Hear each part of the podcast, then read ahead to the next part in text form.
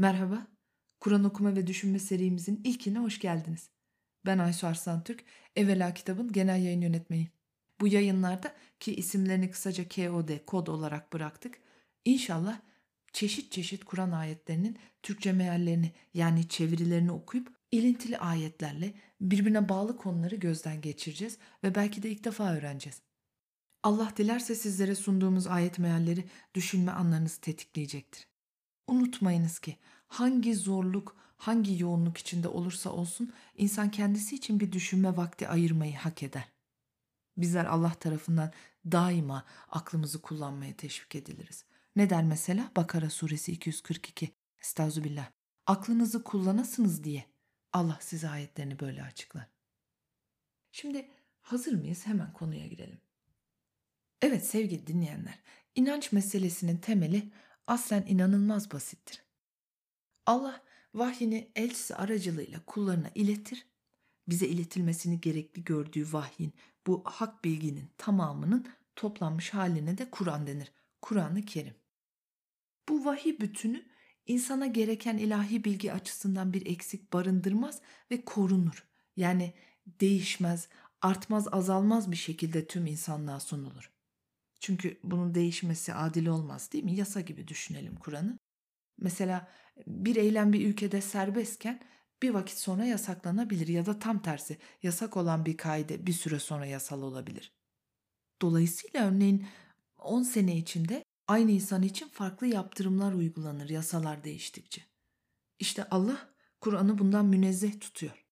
Kur'an indiğinden itibaren hangi ülkede, hangi zamanda, hangi cinsiyette, hangi ırkta, hangi inancın içine doğmuş olursak olalım, aynı kitabın muhatabı kabul edilir ve aynı hükümlerden sorumlu tutuluruz. Ve anlaşma şartları bu kitapta açık bir şekilde belirtilir, ortada yazılı bir halde de bekler. Yani İslam dininin böyle gizli, ezoterik, belirli bir gruba özgü bir yapısı yoktur. Vahiy bütün açıktır ve ulaşılabilir bir haldedir. Çoğu ülkede en azından günümüzde.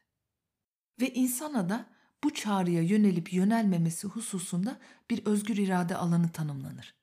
Ne buyurur Allah Kur'an'da? Estağfirullah. Şüphesiz bu bir öğüttür. Dileyen Rabbine varan bir yol tutar. İnsan suresi 29. ayet. Ayrıca ne biliyoruz? La ikrahe fid din. Yani dinde zorlama yoktur. La, la ilahe illallah'taki gibi. Yok, yoktur, olamaz. İkrah, ikrahı biliriz, zorlama, baskı, baskı kurma, tiksindirme, fid dini, dinde. Bakalım Bakara suresi 256. ayetin mealini okuyalım. Estağfirullah. Dinde zorlama yoktur. Artık doğru yanlıştan ayrılmıştır. O halde tağutu inkar edip Allah'a inananlar hiçbir zaman kopmayacak en sağlam kulba tutunmuşlardır. Allah her şeyi işitendir, her şeyi bilendir. Dolayısıyla bizler için Kur'an ile alakalı en öncelikli meselemiz içinde neler yazdığı ile ilgilidir. Önce Allah ne diyor diye bakarız. Kullarına neyi iletmiş? Önce Kur'an okunur, içindeki örnekler, öğütler bunların tamamı taranır. Tamamı niçin tümüne hakim olmanın önemini vurguluyorum? Birkaç ayet getirelim ekrana. Taha suresi 114. ayet mealinden okuyalım. Estağfirullah. Her şeyin gerçek egemeni olan Allah yüceler yücesidir. Kur'an'ın sana vahyedilmesi bitirilmeden önce acele etme. Rabbim bana bilgiyi arttırdı. Rabbim ilmimi arttırdı. Bakın bu ayetteki Kur'an'ın sana vahyedilmesi bitirilmeden önce acele etme cümlesine dayanarak şekillenen bir tavır bu. Bu arada yeri gelmişken bahsetmek gerek, Kur'an'ın çelişki barındırmadığını da biliyoruz. Nisa suresi 82. ayette bahsi geçer bunun mesela.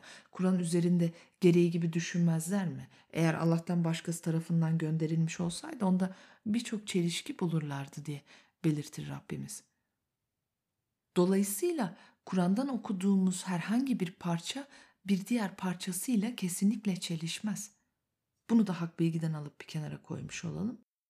Şimdi iki ayet daha paylaşmak istiyorum sizinle gelen vahyin tamamının taranmasının gerekliliğiyle ilgili. Fatır suresi 18. ayetin mealine gidelim. Estağfirullah. Hiçbir günahkar başka bir günahkarın yükünü yüklenmez. Günah yükü ağır olan kimse günahını yüklenmeye çağırırsa ondan hiçbir şey yüklenilmez. Çağırdığı kimse yakını dahi olsa. Sen ancak görmedikleri halde Rablerinden korkanları ve namazı kılanları uyarırsın. Kim arınırsa ancak kendisi için arınmış olur. Dönüş ancak Allah'adır. Burada ne görmüş oluyoruz? Kişinin hataları bireysel. Allah nezdinde bir suç olan ne yaptıysa bunun karşılığını kendisi alır. Bunun yükünü kendisi taşır. Başkasına da devredilmez. Tamam? Diyelim bu ayeti okuduk, sonra Kur'an okumayı yarım bıraktık. E, bu konuya dair bilgimiz bu olarak kalır. Oysa bir başka ayette istisnai bir durum belirtilir. Çelişki yok. Fakat her duruma dair ayrıntılı bilgi var. Diyelim biz Kur'an'a iman etmemiş insanlarız. Dolayısıyla hak bilgiden yoksun bir hayatı tercih etmişiz ve bunun neticesinde çevremizde bizim bilgimize, tecrübemize güvenen kişileri yanlış tercihlere, günaha yöneltmişiz. Bunun sonucunda bu kişilerin hatalarının bir kısmı bizim sorumluluğumuz kabul edilir.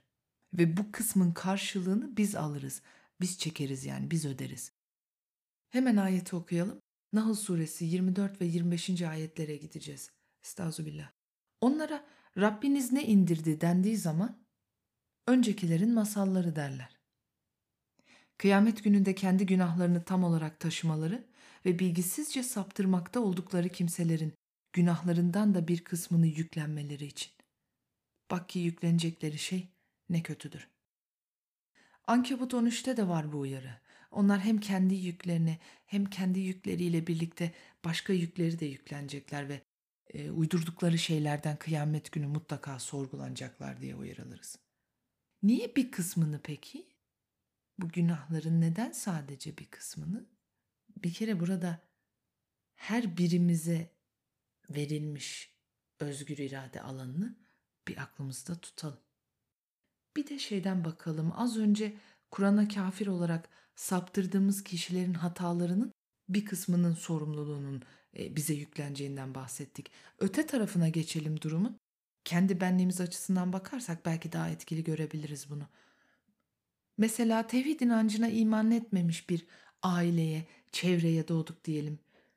İçki, zina, şiddet, ümitsizlik bunların olağan, normal kabul edildiği bir ortamda yetiştik.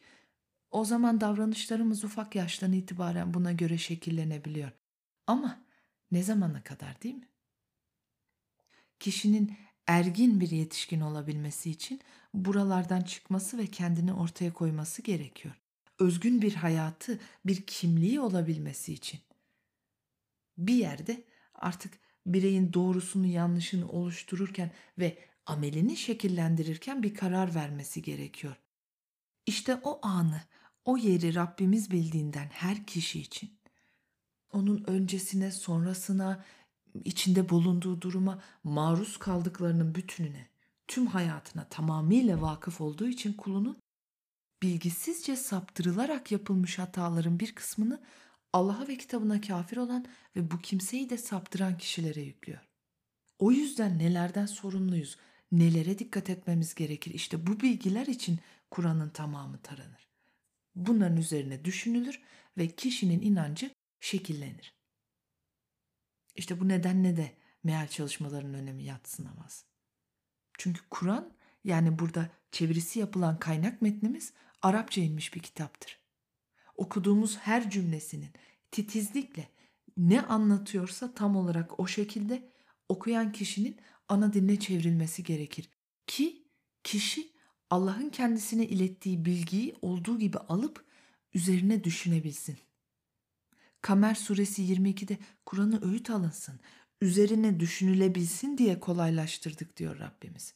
Devamında da soruyor, yok mu düşünen? Bu konuda ülkemizde çalışmalar hızlanmış olmakla beraber hala ilerleme aşamasında. Burayı evvela kitap yayınlarını yani önce Kur'an'ı inceleyen yayın evimizde işte bu çalışmalara katkı yapmak niyetiyle kurduk. Benim lisansım İngiliz dili ve edebiyatı olduğu için çeviri bilimle ilgili aldığım derslerden hatırımda kalan en önemli nokta bir dilden başka bir dile tercüme yaparken birden fazla doğru örnekle karşılaşmış olmam. Yani üç öğrencinin aynı çeviri ödevinden yüz alabilmesinin mümkün olduğunu gördüm. Ve bu üç ödevin metni birbirinden farklıydı. Bakın 90 değil 100. Demek ki kaynak metinde ne diyorsa denileni iletmeyi başarabilmiş oluyoruz. Ama cümlelerimizin yapısı ve içerdiği kelimelerde farklılıklar olabiliyor. Bu panik gerektiren bir durum değil. Dilde ve dilin kültüre işleyiş biçimindeki bu boşluklar yani farklılıkların oluşabileceği küçük alanlar Rabbimizin elbette bilincindedir. Mesela Mülk suresi 14. ayeti alalım. Estağfirullah. Ela ya'lemu men halak. Ela ya'lemu bilmez mi men kimse halak yaratan, yaratmış olan. Bu şöyle tercüme edilebilir. Yaratan bilmez mi? Başka? Yaratan bilmez olur mu? Ya da yaratmış olan bilmez mi? Bir tane daha alalım. Yaratan bilmez olur mu hiç? Bunlar bakın bu dört cümle de bize aynı soruyu soruyor. Çevirilerde karşımıza çıkabilecek olası çeşitlilikler açısından bir örnek bu. Bu boşlukların ve çeşitliliğin içinde sakince gezerek en doğru anlatımı bulmaya çalışıyor Müslümanlar. Allah'ın dediğini iyice, iyice tam olarak anlamak için. Bunu yapmazsak ne olur peki? Allah'ın bizlere ilettiği hak bilgiyi tam olarak anlamaya çalışmazsak. Bunu yapmazsak şu olur. Dine dair bilgimiz başka insanların ağzından, başka insanların aklından ve en önemlisi onların anladığı kadarıyla bizlere aktardıklarıyla sınırlı olur. Allah kulunu düşünmeye çağırırken Kur'an'ı anlaşılır, açık, kolaylaştırılmış ve sorumlu olduğumuz kaynak olarak tanımlamışken biz bu bilgiye sahip olmadan yaşayıp gitmiş oluruz. Bu insana bırakılmış bir seçenek. Ne diyor Zuhruf suresi 43'te peygamberimize? Estağfirullah. Sen sana vahyedilene sımsıkı sarıl. İnneki ala sıratın müstakim şüphesiz sen dost doğru yoldasın. Sonra 44'te estağfirullah. Kuşkusuz o sana ve toplumuna bir zikirdir. Yakında ondan sorulacaksınız. Bir zikirdir yani öğreti, bir hatırlatıcı, şeref, öğüt manalarını da içerir bu. E, bu ne demek? Yakında ileride ondan sorulacaksınız ayetin sonunda. Hesap. Yargılanmamız, davranışlarımızın karşılığı bu kitabın esaslarına göre görülecek. Hangi kaynağa, hangi bilgiye dayanılarak biz bunlar senin doğruların, bunlar da yanlışların diye yargılanacağız? Zuhruf 44. Bundan sorulacaksınız diyor Allah. Allah'ın elçisine vahyedilenlerden, zikirden. Yani bunların bütünü toplanmış hali Kur'an-ı Kerim'de. Ne güzel ki şu an Kur'an'dan konuşuyorlar. Ne diyorlar diye buradasınız. Tekrar hoş geldiniz. Şimdi bu kod serimizin ilkinde Fatiha suresinin mealini beraber okuyalım istedik. Her gün beş vakit namazda okunan sure. Yedi ayetten oluşur. Manalarından biri nedir Fatiha'nın? Açan, açılış değil mi? Bu surenin içinde ilk ayet olarak Besmele'yi görüyoruz. Nedir Besmele? Bismillahirrahmanirrahim. Yani Rahman Rahim Allah'ın adıyla. Rahman Rahim olan Allah'ın ismiyle. Allah bizlere kendisini tanıyabilmemiz için ve zatını gereğince tanımlayabilmemiz için 90 küsür ismini vermiştir. Bunlar tanımlayıcı isimler. İsim sıfat olarak da bahsedilir bazen bunlardan. Esma-ül Hüsna olarak belki işitmişsinizdir. Bu isimler Rabbimizin özelliklerini ortaya koyar.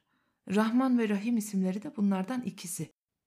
Bunların anlamlarını oturttukça Allah kimdir, nasıldır sorularının cevaplarına adım adım yaklaşırız. Profesör Bayraktar Bayraklı 16 Aralık 2022 tarihli yayınında Fussilet suresinin ikinci ayetinden bahsederken bu konuya şu şekilde değiniyor, notlarımdan okuyorum.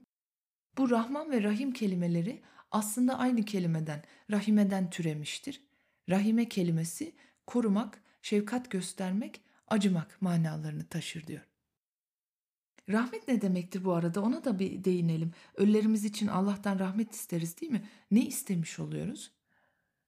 Rahmet kelimesinin içerdiği manaları merhamet, sevgi, şefkat, e, acıma, esirgeme olarak alabiliriz. Yani kaybımız için Allah'tan rahmet dilemek, Allah'ın kaybımıza merhamet etmesi, hatalarını affetmesi, ona acıması için bir yakarış biçimi oluyor.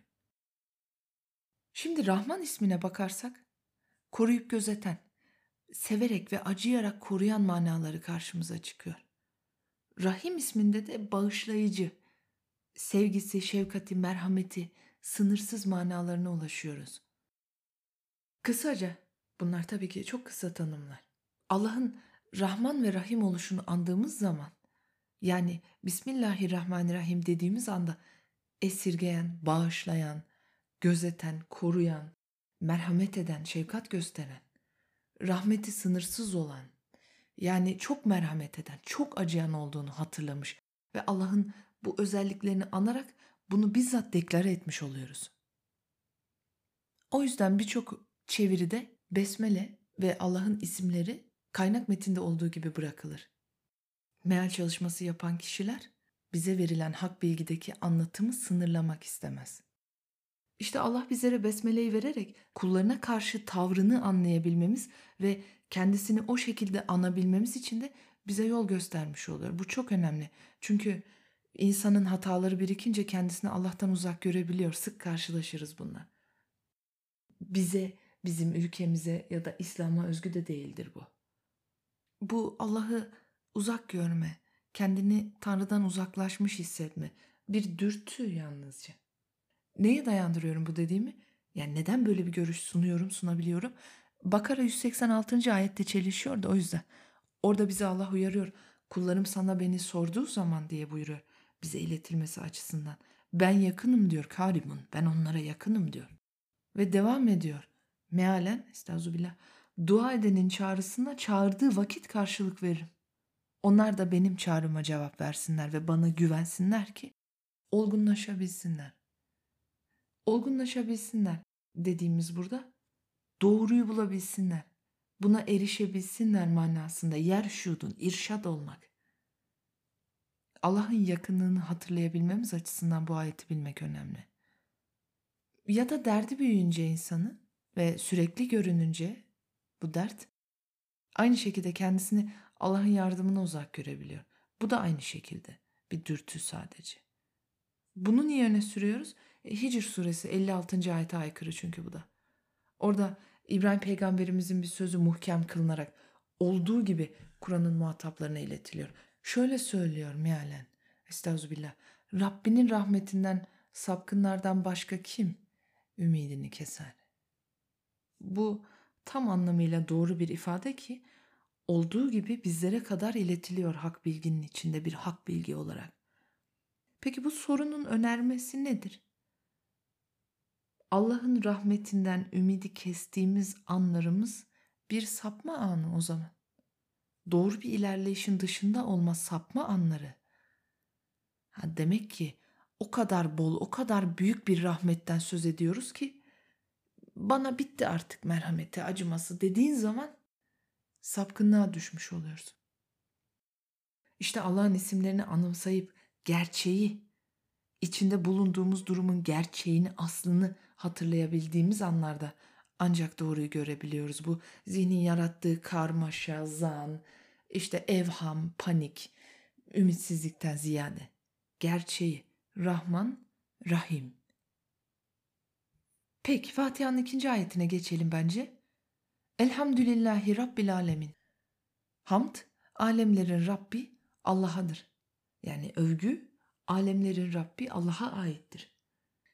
Buradaki alemi nasıl açıklayabiliriz? Ee, bütün varlıklar, yaratılmış her şey desek yanlış olmaz kanımca. Evet hepsi bunun içine girebilir o zaman. Yüceltme işini, övgüyü, alemlerin Rabbi Allah'a özgülemiş oluyoruz bu ayette. Peki Rab kelimesi hangi manaları içeriyor? Alemlerin Rabbi mesela, alemlerin efendisi, alemlerin sahibi değil mi? övgüyü met etmeyi Allah'a yöneltiyoruz bu ayette. Neden önemli bu?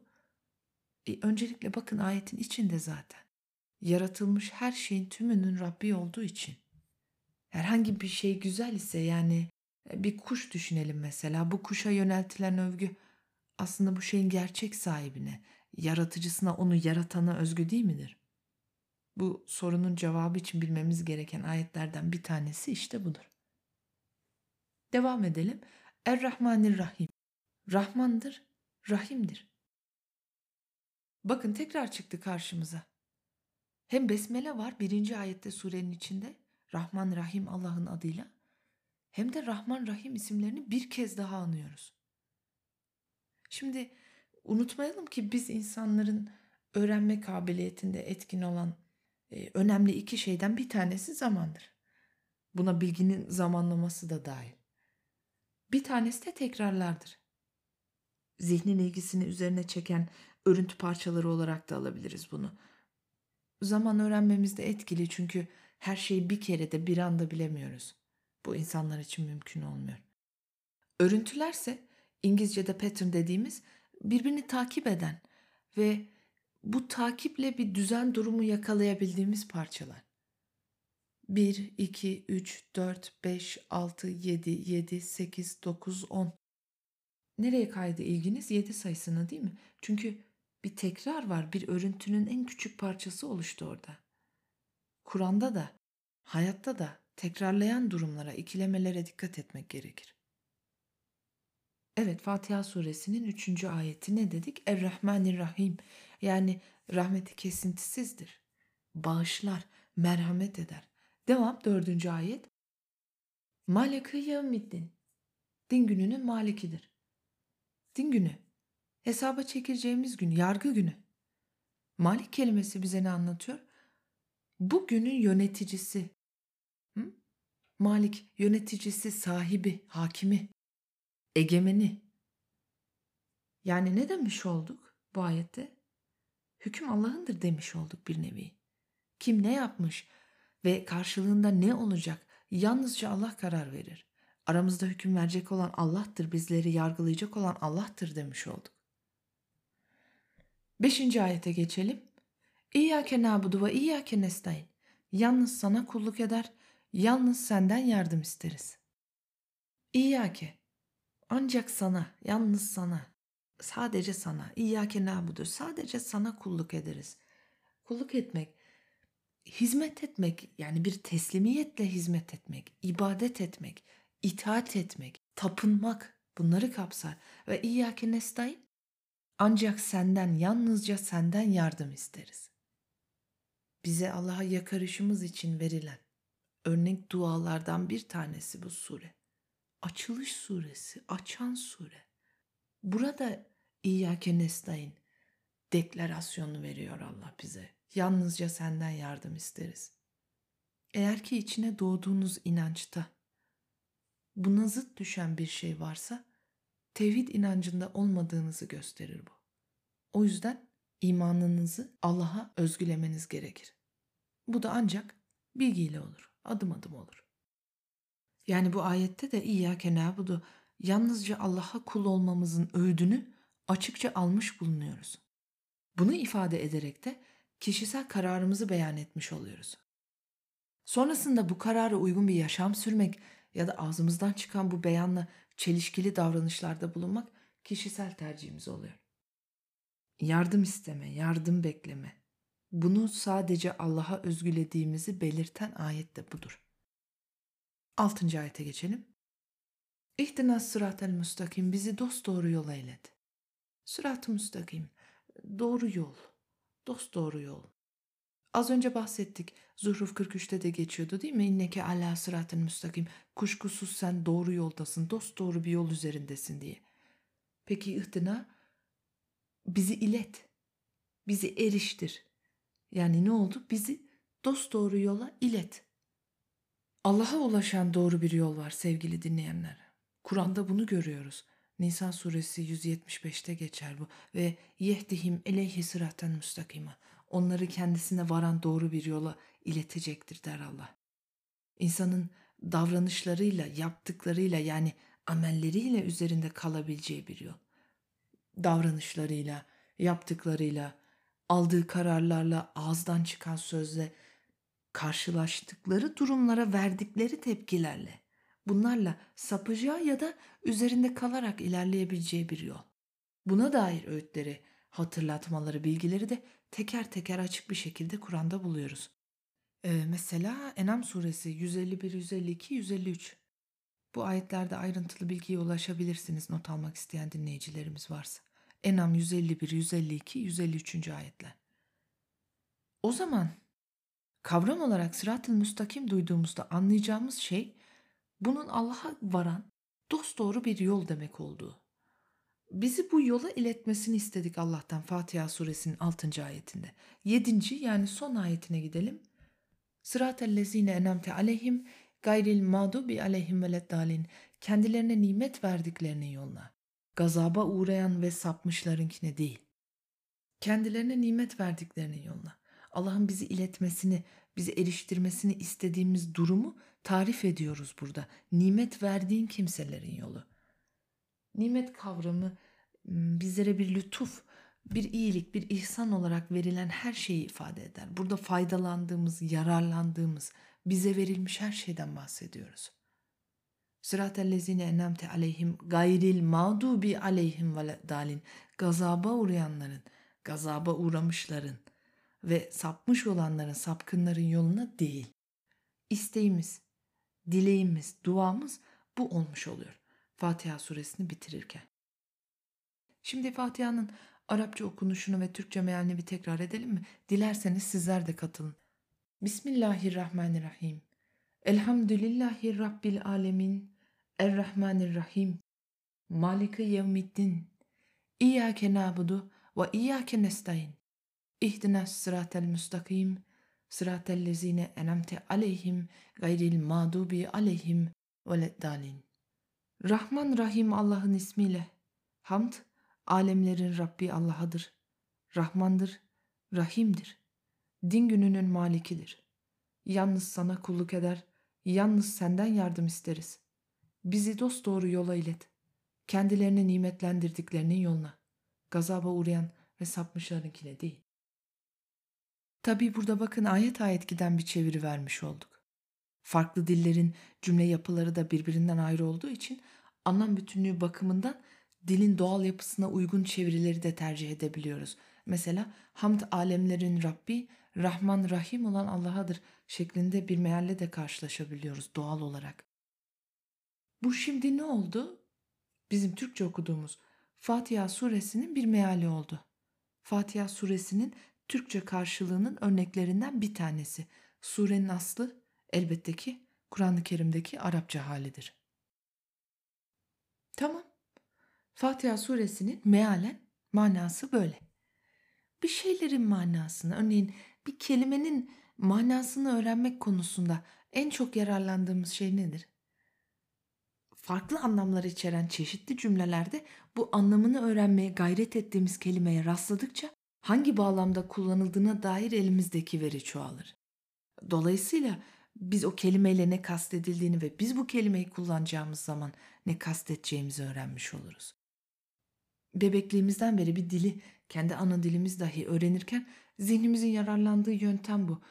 O yüzden Rab kavramı, rahmet kavramı, sırat-ı müstakim kavramı, efendim takva kavramı ve nicesi Kur'an'ın tamamına hakim oldukça iyice iyice şekillenen ve kafamızda daha iyi oturan kavramlar. Paniğe hiçbir şekilde lüzum yok. Yani bu panik iki buçuk yaşındaki bir çocuğun diyelim kelime dağarcığını beş yaşındaki bir çocukla karşılaştırıp üzülmesi gibi bir şey gerek yok. Veri arttıkça ancak bir dağarcık bir söz hazinesi oluşabiliyor. Bir yandan da Kur'an'ın bilgisinin tamamını tam olarak kavradım diyebilmek zor. Hepimizin henüz çözemediği ayetler var. Ali İmran suresi 7. ayeti bilmek bu konuda görüşünüzün şekillenmesine katkı sağlar. Ee, bilgimiz arttıkça, zamanı geldikçe anladığımız ayetler var. Bahsi geçen durumu, e, olayı yaşamamızın vakti gelince tam olarak kavrayabildiğimiz ayetler var. Ayrıca günümüzün bilimsel çalışması günümüzün gerektirdiği ölçüde ilerledikçe ancak anlayabildiğimiz ayetler de var. Embriyoloji ayetleri mesela.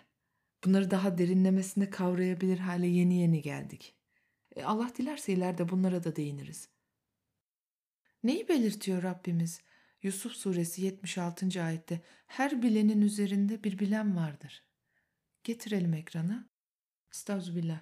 Biz kimi dilersek onu derecelerle yükseltiriz. Zira her ilim sahibinin üstünde daha iyi bilen birisi vardır. Bakın istisna yok hiçbirimiz için. Her ilim sahibinin üstünde daha iyi bir bilen var. Bunu kabul ederek ilerlememiz gerekiyor o zaman. Nerede?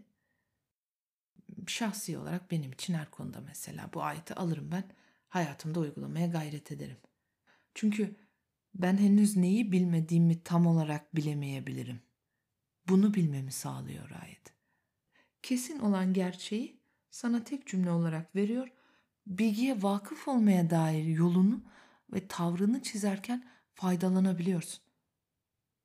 Tabi in kuntum müminin eğer inanıyorsanız. Şimdi ne kadar zorlandınız sevgili dinleyenler bugün? Fatiha suresinin ne anlama geldiği üzerinde düşünürken mesela, belki ilk defa anlamını öğrenirken ya da hatırlarken ne kadar zorlandınız, neler kaldı aklımızda? Tüm övgü, tüm övgünün bu evrene, yaratılışa, bu sisteme dair ne varsa, buna dair bütün metedişin övgünün Allah'a olduğunu, Allah'ın fazlaca, çok fazlaca merhamet sahibi olduğunu, hayatımızı nasıl yaşadığımıza ve kim olduğumuza dair tek yargılama merci olduğunu okumuş olduk Fatiha suresinden. Ayrıca yalnızca ona kulluk edileceğini ve yalnızca ondan yardım beklenileceğini. Dost doğru olan yola iletilme talebini gördük. Gazaba uğrayanların ve sapmışlarınkine değil, nimetlendirilmiş kimselerin yolunda olma isteğini okuduk. Peki yavaş yavaş toparlayalım o zaman ama bitirmeden önemli bir hatırlatmam var. Allah'ın Kur'an'ı okuma anlarımız hususunda verdiği bir uyarı ayetine bakalım. Nahl suresine giderek sonrasında yayınımızı tamamlayalım. Nahl suresi 96, 97, 98. ayetlerin mealine bakacağız. Nahl nedir? Arı. Estağfirullah. Sizin yanınızda bulunanlar tükenir. Allah'ın yanındakiler ise kalıcıdır. Sabredenlere yapmakta olduklarının ödülünü en güzeliyle ödeyeceğiz. Erkek olsun kadın olsun kim inanmış olarak iyi iş yaparsa ona hoş bir hayat yaşatırız. Ödüllerini de yaptıklarının en güzeline göre veririz. Kur'an'ı okuduğun zaman kovulmuş şeytandan Allah'a sığın. Ne okuduk bakın. Şimdi bizim yanımızdaki biter. Dünyada olduğumuz için bitiyor, geçiyor. Mal mülk mesela neyimiz varsa görüyoruz zaten bunu. Yalnız Rabbimizin katındakiler kalıcı, sürekli, tükenmeyen, tükenmez. Yaptıklarımızın karşılığı işte burada. Peki sadece ahiret hayatı mı? Yani burası böyle yaşa yaşa ancak ölünce mi karşılık? Hayır işte. Bu hayatta da. İman etmişsek hakiki bir iman, şüphe taşımayan bir inançtan bahsediyorum. Böyle bir onaylama ve güven. Bir de bu inançla güzel işlerin, iyi işlerin, salih amelin peşine de düşmüşsek bize garanti olan kesin olarak verilen şey dünyadaki yaşamımızla ilgili hoş bir hayat. Güzel bir hayat. Güzel bir hayat yaşayabileceğimizin hak vaadi var burada. Sınanma var mı? Var. Zor gün var mı? Var. Olmaz mı? İşte günler diyor Allah ya bir sıkıntı, bir acı içeren zamanlarla ilgili. Bu günleri insanlar arasında dolaştırırız. Ali İmran 140. ayette. Bu günleri insanlar arasında döndürür dururuz. Ne demek bu? Herhangi birine özgü değil yaşadığı sıkıntı. Sıkıntı insanlar arasında gezip duruyor. Fakat anlaşmanın şartı şu. Herkese kaldırabileceğinden azı yükleniyor. Bunu nereden biliyoruz? Enam suresi 152. ayet. Ne diyor bakın ayette? Biz herkese ancak gücünün yettiği kadarını yükleriz. Bir başka çeviri hiç kimseye gücünün yeteceğinden aşırısını yüklemeyiz. Ayrıca Bakara suresi 286. ayette de bu hususa değinir. Burada bulunuşumuzun, varlığımızın dünyadaki varoluşunun amacı doğrultusunda hepimiz için var sıkıntı. Candan kayıpla sınanacak mıyız? Evet. Sevdiklerimiz ölüyor. Maldan kayıpla sınanacak mıyız? Evet. Ali İmran 186. İncitici sözler, hakaretler duyacak mıyız? Evet. Aynı ayette belirtilir. İşte tüm bunların arasında, tüm bunların içinde, tüm bunları kapsarken dahi dönüp bakınca hoşça geçen, güzelliği tadılmış, yaşanmış bir hayat.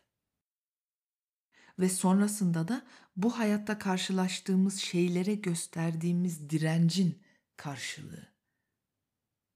Ve devamındaki uyarı Kur'an'ı okuduğumuz zaman kovulmuş şeytandan Allah'a sığınmamızın gerekliliği. Estağzubillah diyeni duyarız kısaca kullananlardan. Eyzübillahimineşşeytanirracim diyeni duyarız. Kovulmuş şeytanın şerrinden Allah'a sığınmak. Kovulmuş şeytanın şerrinden Allah'a sığınırım. Bu ifadeler işte bu ayete dayanıyor. Allah'ın uyarısına dayanıyor. Hatırlayın olur mu sizler de okurken? Allah ilminizi arttırsın. Bu arada sevgili dinleyenler bu yayınlar sırasında bir hata fark ederseniz lütfen bizlere iletin. Tabi Kur'an-ı Kerim'den bir susturucu kanıtınızla birlikte. Ayrıca kitap dosyalarını kabul etmeye başlıyoruz. Kur'an-ı Kerim'le alakalı çalışmalar yürütüyorsanız eserlerinizi bizlere iletebilirsiniz. evelakitap.com web sitemizin dosya gönderme başlıklı bölümünde ayrıntılı bilgi bulabilirsiniz. Sevgili dinleyenler, bugünlük benden bu kadar. İyi kötü tanışmış olduk. Güzel günler geçirmenizi temenni ediyorum. Allah'a emanet olun.